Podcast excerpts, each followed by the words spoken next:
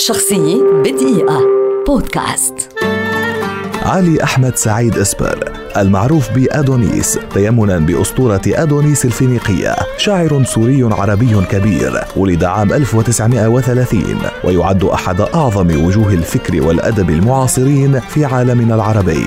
لم يعرف أدونيس مدرسة نظامية قبل سن الثالث عشر. حفظ القرآن على يد أبيه كما حفظ عددا كبيرا من قصائد الشعراء القدامى. تخرج من جامعة دمشق متخصصا في الفلسفة عام 1954 وغادر بعدها بعامين إلى لبنان حيث التقى بالشاعر يوسف الخال وأصدرا معا مجلة شعر مطلع عام 1957 ثم أصدر منفردا مجلة مواقف بين عامي 1969 و 1994 يعتبر البعض أن أدونيس من أكثر الشعراء العرب إثارة للجدل فقد استطاع بلورة منهج جديد في الشعر العربي يقوم على توظيف اللغة على نحو فيه قدر كبير من الإبداع والتجريب دون أن يخرج أبدا عن اللغة العربية الفصحى ومقاييسها النحوية كما استطاع أن ينقل الشعر العربي إلى العالمية وهو بالإضافة لإنجازاته الشعرية يعد واحدا من أكثر الكتاب العرب إسهاما في المجالات الفكرية والنقدية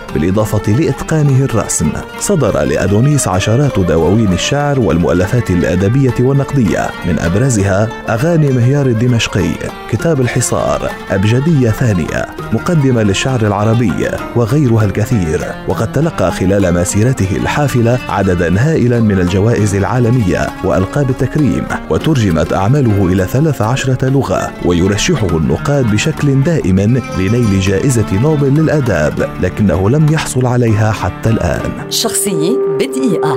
بودكاست.